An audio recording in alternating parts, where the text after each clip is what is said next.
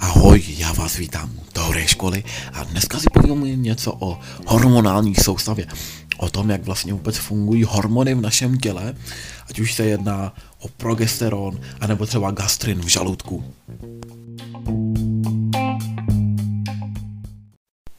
Když se mrkneme na hormonální soustavu z obecného úhlu pohledu, tak vlastně zjistíme, že se jedná o soustavu žláz s vnitřní sekrecí, takzvaných endokrinních žláz. Máme tu hormony, což jsou chemické látky přenášené většinou krví, tedy endokrině, a váží se na receptory cílových buněk a potom ovlivňují jejich funkci, funkci těch buněk. Hormony bychom mohli rozdělit na tři kategorie. Na šlázové hormony, tkáňové hormony a neurohormony. Šlázové hormony jsou vylučovány endokrinními žlázami přímo tedy do krve. Potom tady máme tkáňové hormony, které jsou zase vylučovány, vylučovány tkáněmi, nikoli žlázami a jejich primární a, funkcí je funkce a, v daném orgánu, ale ten orgán nebyl stvořen proto, aby, aby produkoval hormony, spíše ty hormony pomáhají tomu orgánu. Například tu máme již zmíněný gastrin, který je v žaludku, nebo renin, který je v led, ledvinách a řídí odvod vody. A potom tu máme neurohormony, které jsou vylučovány neurosekrečními buňkami. My se ještě podíváme potom blíže na to, jak to vlastně funguje. Jedná se Eh, o buňky, které se nacházejí v hypotalamo-hypofizárním komplexu, o tom si ještě povíme. A tady ty ne, uh, neurohormony uh, řídí uh, další uh, funkce nebo třeba i počet uh, hormonů žlázových. Žlázy s vnitřní sekrecí, neboli takzvané endokrinní žlázy, jsou tedy žlázy, které produkují žlázové hormony a ty hormony mohou na ty buňky působit buď přímo, anebo nepřímo. Tak když se podíváme třeba na to přímé působení, tak ten hormon se tedy dostane přes plazmatickou membránu přímo dovnitř do buňky a v té buňce, která je tedy na ten hormon citlivá, tak začne reagovat a Většinou se jedná o proteosyntézu, to znamená, že buňka na základě toho hormonu začne produkovat bílkoviny a vzniká tam takzvaný hormonoreceptorový komplex, kdy ten receptor zaznamená, že se do buňky dostal hormon a začne podle něj tedy vykonávat a, daný příkaz. A nebo tu máme nepřímé působení. A opět zde vzniká hormonoreceptorový komplex, ale nikoli uvnitř buňky, v cytoplazmě, nýbrž na plazmatické membráně, takže už zde se setká hormon a nějaký receptor, který je tedy vně té buňky.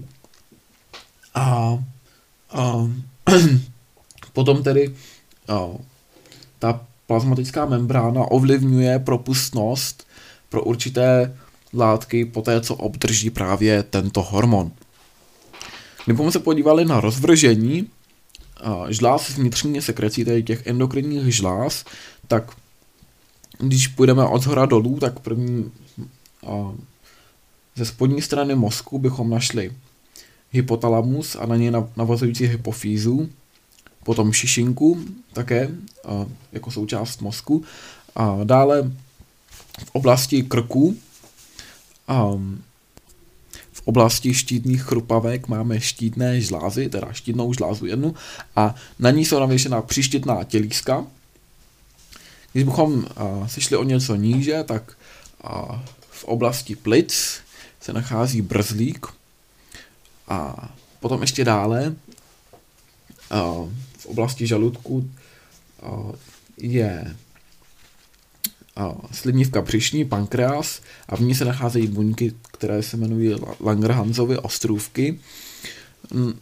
Nad ledvinami se zase nacházejí nadledviny a, a potom úplně a ve spod v dutině břišní mají ženy a, vaječníky a muži mimo dutinu břišní varlata. My začneme hypotalamo-hypofizárním systémem a jak už název napovídá, tak ten systém se sestává z, z hypotalamu, hypotalamus je jedna část, a z hypofýzy, což je druhá část. Hypotalamus je tedy spodina mezi mozku, je to část mozku s neurosekreční funkcí a nacházejí se v ní právě neurosekreční buňky, které tvoří neurohormony. Takže právě tady vznikají neurohormony a hypotalamus produkuje dvě, dva typy hormonů. Produkuje ADH, což je antidiuretický hormon, a oxytocin. A, a tady ty hormony jsou potom přenášeny nervovými drahami do neurohypofýzy, což je jedna část hypofýzy. Tedy ten hypotalamus je vlastně a, ve spodní části našeho mozku a dál se dělí nebo navazuje na hypofýzu a ta se dělí na dva laloky. Jeden se jmenuje adenohypofýza, to, to je přední lalok, ten je větší a potom tu máme ještě zadní menší lalok a ten je neurohypofýza. A tedy a tento první typ hormonů, a do nějž řadíme antidiuretický hormon a oxytocin, tak ty pokračují dále s uh, nervovými drahami do neurohypofýzy a potom tu máme druhý typ hormonů, liberíny a statiny, které jsou krví přenášeny do adenohypofýzy, to znamená do, té, do toho předního laloku hypofýzy a do toho většího. Opět nervovými drahami. Takže hypotalamu se nám tedy dostávají hormony, přesněji řečeno neurohormony, a první skupina statiny a liberíny tedy putují do adenohypofýzy, jenomže k čemu tam putují statiny a k čemu tam putují liberíny. Jak už název vypovídá, tak statiny mají za úkol uh, inhibovat uh, produkci dalších hormonů adenohypofýzy a liberíny zase mají ten přesně opačný efekt. Jejich cílem je povzbudit, stimulovat produkci hormonů adenohypofýzy. Takže jsou to vlastně hormony, které sami ještě nemají přímý dopad na nějakou část těla, ale pouze ovlivňují další hormony, které teprve putují do cílových buněk. No a potom tu tedy máme hormony, které putují do neurohypofýzy, tedy oxytocin a antidiuretický hormon.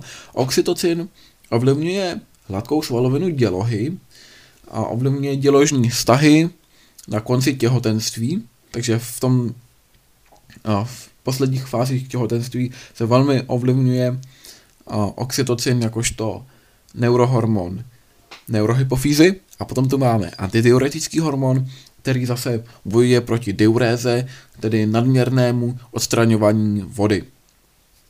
A taky uh, ovlivňuje zpětnou resorpci vody, tedy to zpětné pohlcení nebo vstřebání té vody, tak aby příliš nebylo vylučováno a tedy vlastně má ten efekt, který, který je potřeba řídit v ledvinách, takže antidiuretický hormon bychom potom našli v ledvinách společně s reninem, což je ledvinový tkáňový hormon.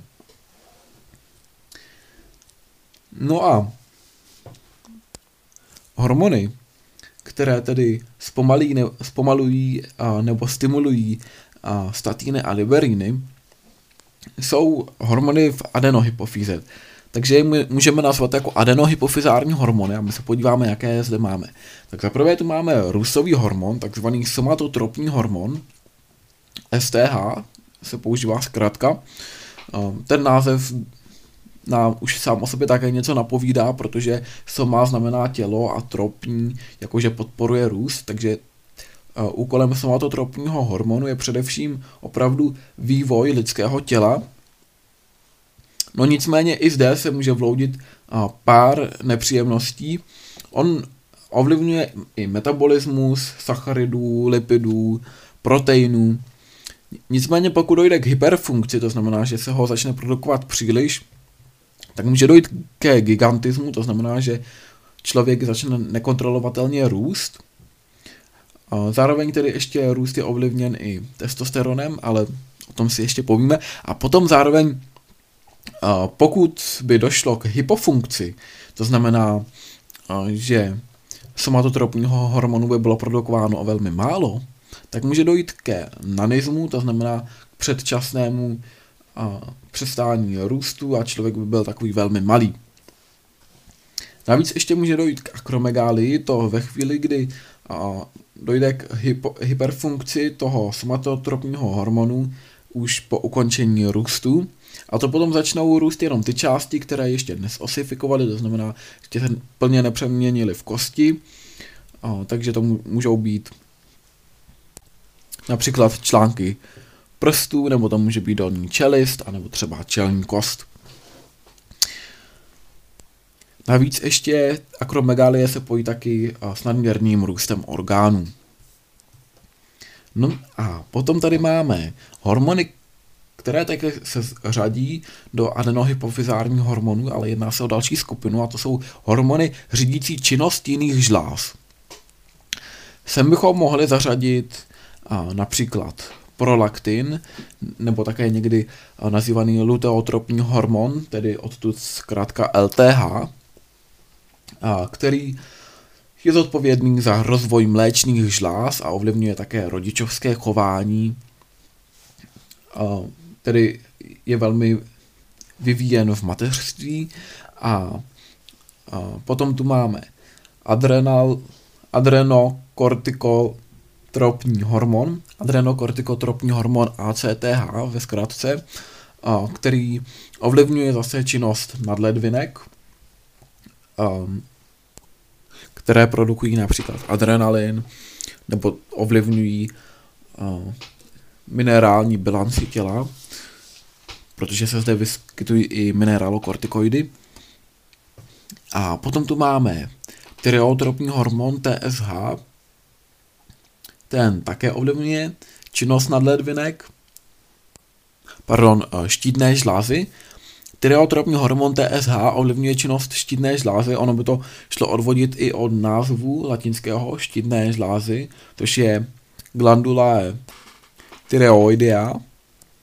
A potom tu máme gonadotropní hormony. Gonády jsou pohlavní žlázy a gonadotropní hormony ovlivňují růst a činnost těchto pohlavních žláz. Máme tu například folikulo stimulující hormon FSH, který zvyšuje růst folikulů ve vaječníku. Folikuly jsou vajíčka a ještě další buňky, které je podporují. Zvyšují tedy produkci ženských pohlavních hormonů neboli estrogenů a potom u mužů zase stimulující hormon podporuje spermogenezi, to znamená a, produkci a, mužských pohlavních buněk a mezi gonadotropní hormony bychom mohli zařadit také i luteinizační hormon, ve zkratce LH. U žen podporuje růst žlutého tělíska a podporuje tvorbu progesteronu. U mužů podporuje tvorbu mužských pohlavních hormonů, zejména testosteronu. A je řízen Leidigovými buňkami. No a teďka se podíváme už na samotné endokrinní žlázy, tedy žlázy s vnitřní sekrecí, které jsou právě řízeny tímto hypotalamo-hypofizárním systémem. Tak možná takovou uh, první zastávkou nám bude šišinka nebo epifýzis cerebre. Jedná se o výběžek stropu třetí komory mezi mozku a šišinka je zodpovědná za tvorbu melatoninu a melatonin je hormon, který má za úkol kontrolovat cyklus bdění a spánku. Brzdí činnost pohlavních žláz a vytváří se ve tmě, to znamená, že více melatoninu se vytváří v noci a více melatoninu se vytváří v zimě, protože jsou delší noci. A zde právě dochází občas k problémům, že ve velkých městech téměř tma není a proto i lidé mají problémy s nedostatkem melatoninu. Ono totiž, pokud máme při spánku rozsvíceno, tak melatonin se nám vůbec nevytváří. Potom tady máme štítnou žlázu. Štítná žláza, latinský glandula je tyreoidia a štítná žláza je tvořena dvěmi laloky, a nacházejí se po stranách štítné chrupavky v hrtanu a pro činnost štítné žlázy je opravdu kriticky potřeba jód. Máme tu některé eh, hormony štítné žlázy, například tyroxin, který ovlivňuje celkový vývoj, jak metabolismus, tak termoregulaci, dechovou frekvenci. A v dětství opravdu by měl být tyroxin přítomen, protože pokud jeho nedostatek, tak dochází ke kreténismu. Potom tu máme kalcitonin, který je který je umístěn v těsné blízkosti těch útvarů štítné žlázy a snižuje množství vápníků CA2+, a vápenatých jontů a taky a, jod, a, jontů od kyseliny trihydrogen fosforečné, to znamená a, fosforečnany a snižuje jejich množství v krvi, to znamená, že například ten vápník se potom dále díky kalcitoninu ukládá do kostí. A antagonistou to znamená a, Hormonem, který vykonává přesně obrácenou práci, je potom paradhormon, který je vytvářen v příštětných tělískách. Dále se ještě vytváří triod, tyroxin, který má odlišnou chemickou strukturu, ale stejnou funkci jako tyroxin, to znamená metalo, metabolismus, termoregulaci, zvýšení dechové frekvence a podobně.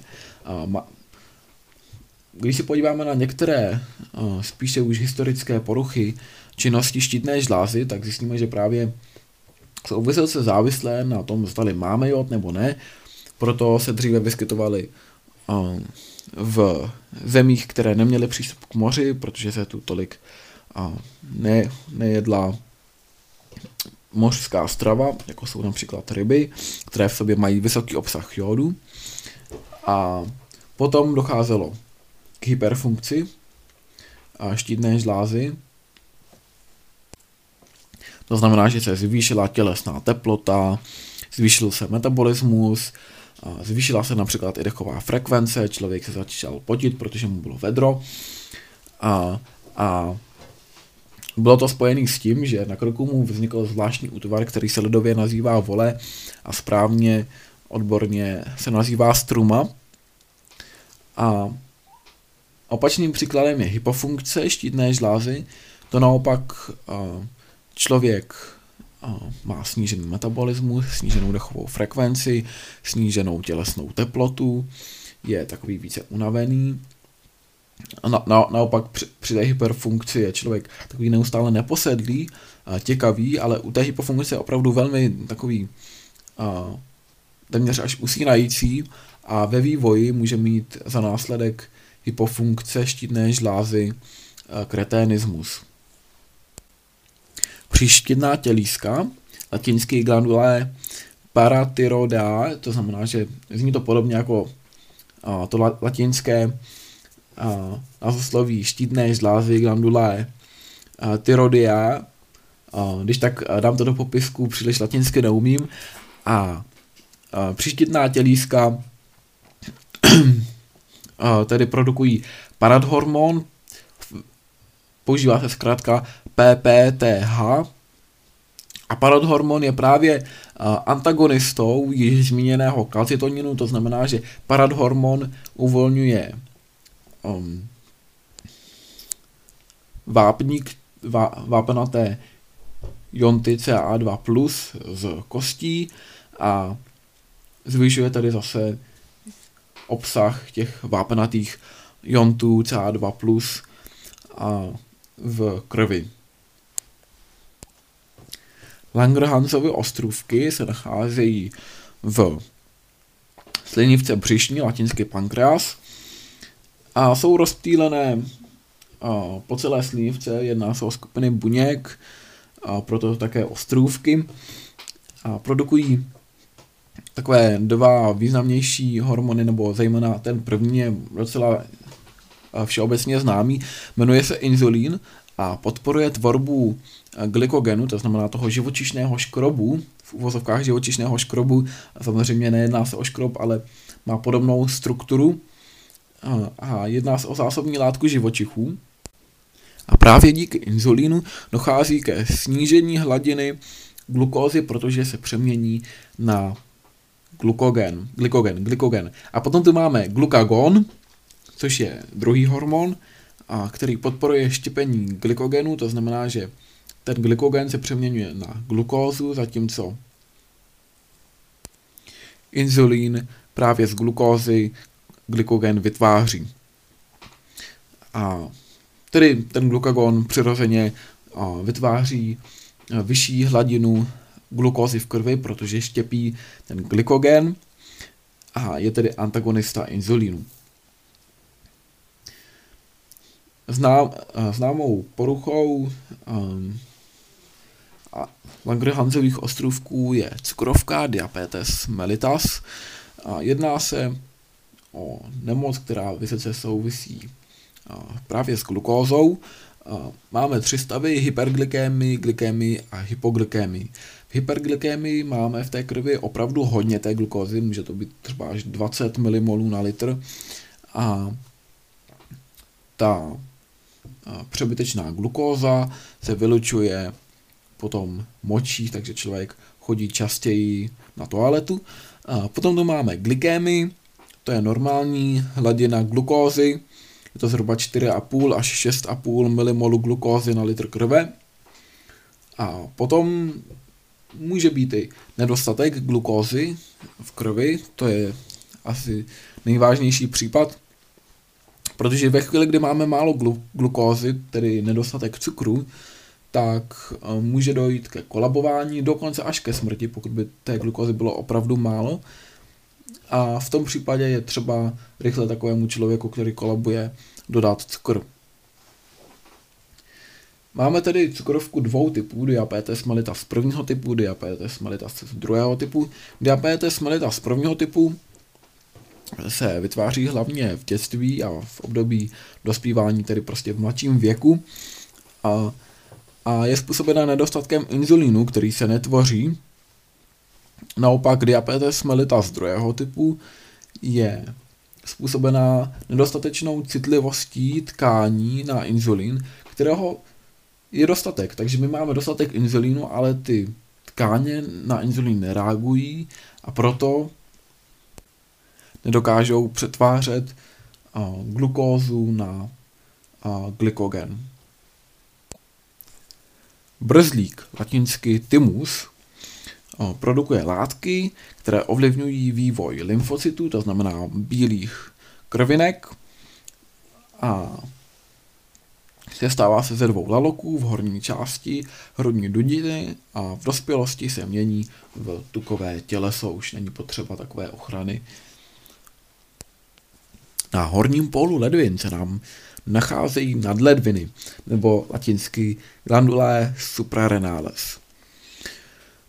Můžeme to opět odvodit od toho, že ledviny se řeknou latinsky renes, takže nadledviny glandulae suprarenales a Hormony, které se vytvářejí v nadledvinách, dělíme na dvě skupiny, na ty, které se vytváří v kůře nadledvin a které ve dření nadledvin. První se podíváme tedy to, na ty, které se vytvářejí více z, z vnějšku, tedy v kuře nadledvin, a to jsou glykokortikoidy a mineralokortikoidy. Glykokortikoidy a, mají za cíl a, podpořit metabolismus cukrů, tuků, bílkovin. Můžeme zde vidět, že podobnou funkci mají například i somatotropní hormon, a, který tvoří adenohypofýza, anebo tyroxin, který tvoří a štítná žláza. A další výhodou glukokortikoidů je i to, že mají jistá protizánětlivá působení, bojují proti zánětům v našem těle. Jedním z nejznámějších glukokortikoidů je kortizol, který zvyšuje celkovou pohotovost organismu v zátěžových situací dokáže zvýšit uh, frekvenci, um, jak tepovou, tak dechovou. A potom tu máme druhou skupinu hormonů v kuře nadledvin, to jsou mineralokortikoidy. A sem bychom zařadili například i aldosteron, což je hormon, který zvyšuje koncentraci draslíku v krvi, teda v moči, a proto je důležitý pro šíření vzruchu. A tedy on je důležitý pro šíření vzruchu, ale právě aldosteron ho jej vylučuje a, v, dále v moči, pokud toho draslíku je příliš. A navíc ještě zvyšuje zpětné vstřebávání sodíku a vody. Takže tedy aldosteron má za cíl odstranění draslíku z našeho těla tím, že zvýší jeho koncentraci v moči, ale naopak zachování a zpětnou resorpci jak vody, tak sodíku. No a potom tady máme dřeň nadledvin. A v dřeni nadledvin se nachází adrenalin a noradrenalin. Adrenalin připravuje tělo na zátěž a podporuje právě třeba i srdeční činnost, rozšířuje cévy, zvyšuje pocení. Můžeme vidět, že v něčem se podobá kortizolu a zároveň se v dření na nadledvin nachází i noradrenalin, což je antagonista adrenalinu, to znamená, že naopak uvádí tělo do klidového stavu. Aktivuje navíc ještě štěpení tuků, což také zpomaluje ten organismus, protože právě štěpení tuků je poměrně náročné vzhledem k tomu, že jsou zde dlouhé řetězce a mastných kyselin. Dále ještě podporuje štěpení glykogenů v játrech a ve svalech. Vaječníky, latinsky ovária, jsou uloženy v dutině břišní a také se jedná o párový orgán. Našli bychom zde estrogeny, což je skupina hormonů, které mají za cíl vývoj sekundárních pohlavních znaků, tedy především růst mléčné žlázy, také tedy důsledkem toho je i růst ochlupení a řízení menstruačního cyklu. A dochází ke změně stavby pohlavních orgánů, tedy k růstu a vývoji ženských pohlavních orgánů. A takovým významným estrogenem je hormon progesteron, a který tedy také ovlivňuje mléčnou žlázu. V těhotenství je taky produkován placentou a zároveň ovlivňuje i vznik a průběh těhotenství. Je řízen luteizačním hormonem, což je jeden z hormonů adenohypofýzy. A potom tu máme tedy plodové lůžko, neboli latinsky placenta, kde se také vyskytuje ten progesteron, který se tedy hodně vytváří v těhotenství a právě díky tomu, že placenta se také vytváří v těhotenství, tak se to vzájemně propojuje. Placenta, neboli tedy to plodové lůžko, je orgán, který vzniká pouze dočasně při tom těhotenství a v těhotenství udržuje žluté tělísko.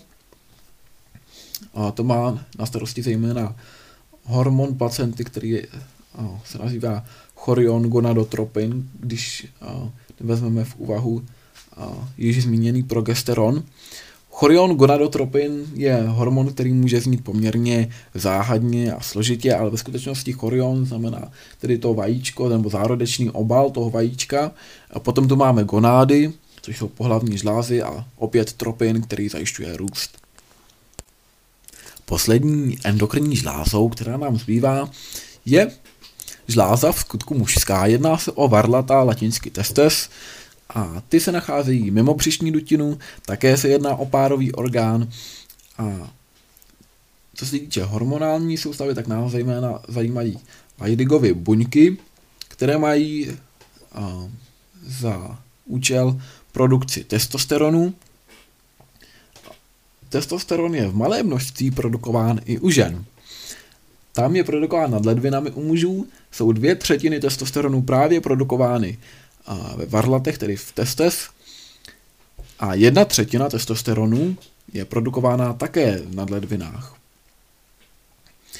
testosteron má za účinky zánik růstových chrupavek. Růstové chrupavky se nachází mezi epifýzou, diafýzou v kosti. Prostě růstové chrupavky nám umožňují, aby ty kosti dále rostly a ve chvíli, kdy testosteron uh, zapříčiní zánik těchto chrupavek, tak to tělo už dále neroste. To znamená, že uh, čím dříve má lidské tělo mnoho testosteronu, a tím rychleji přestane růst.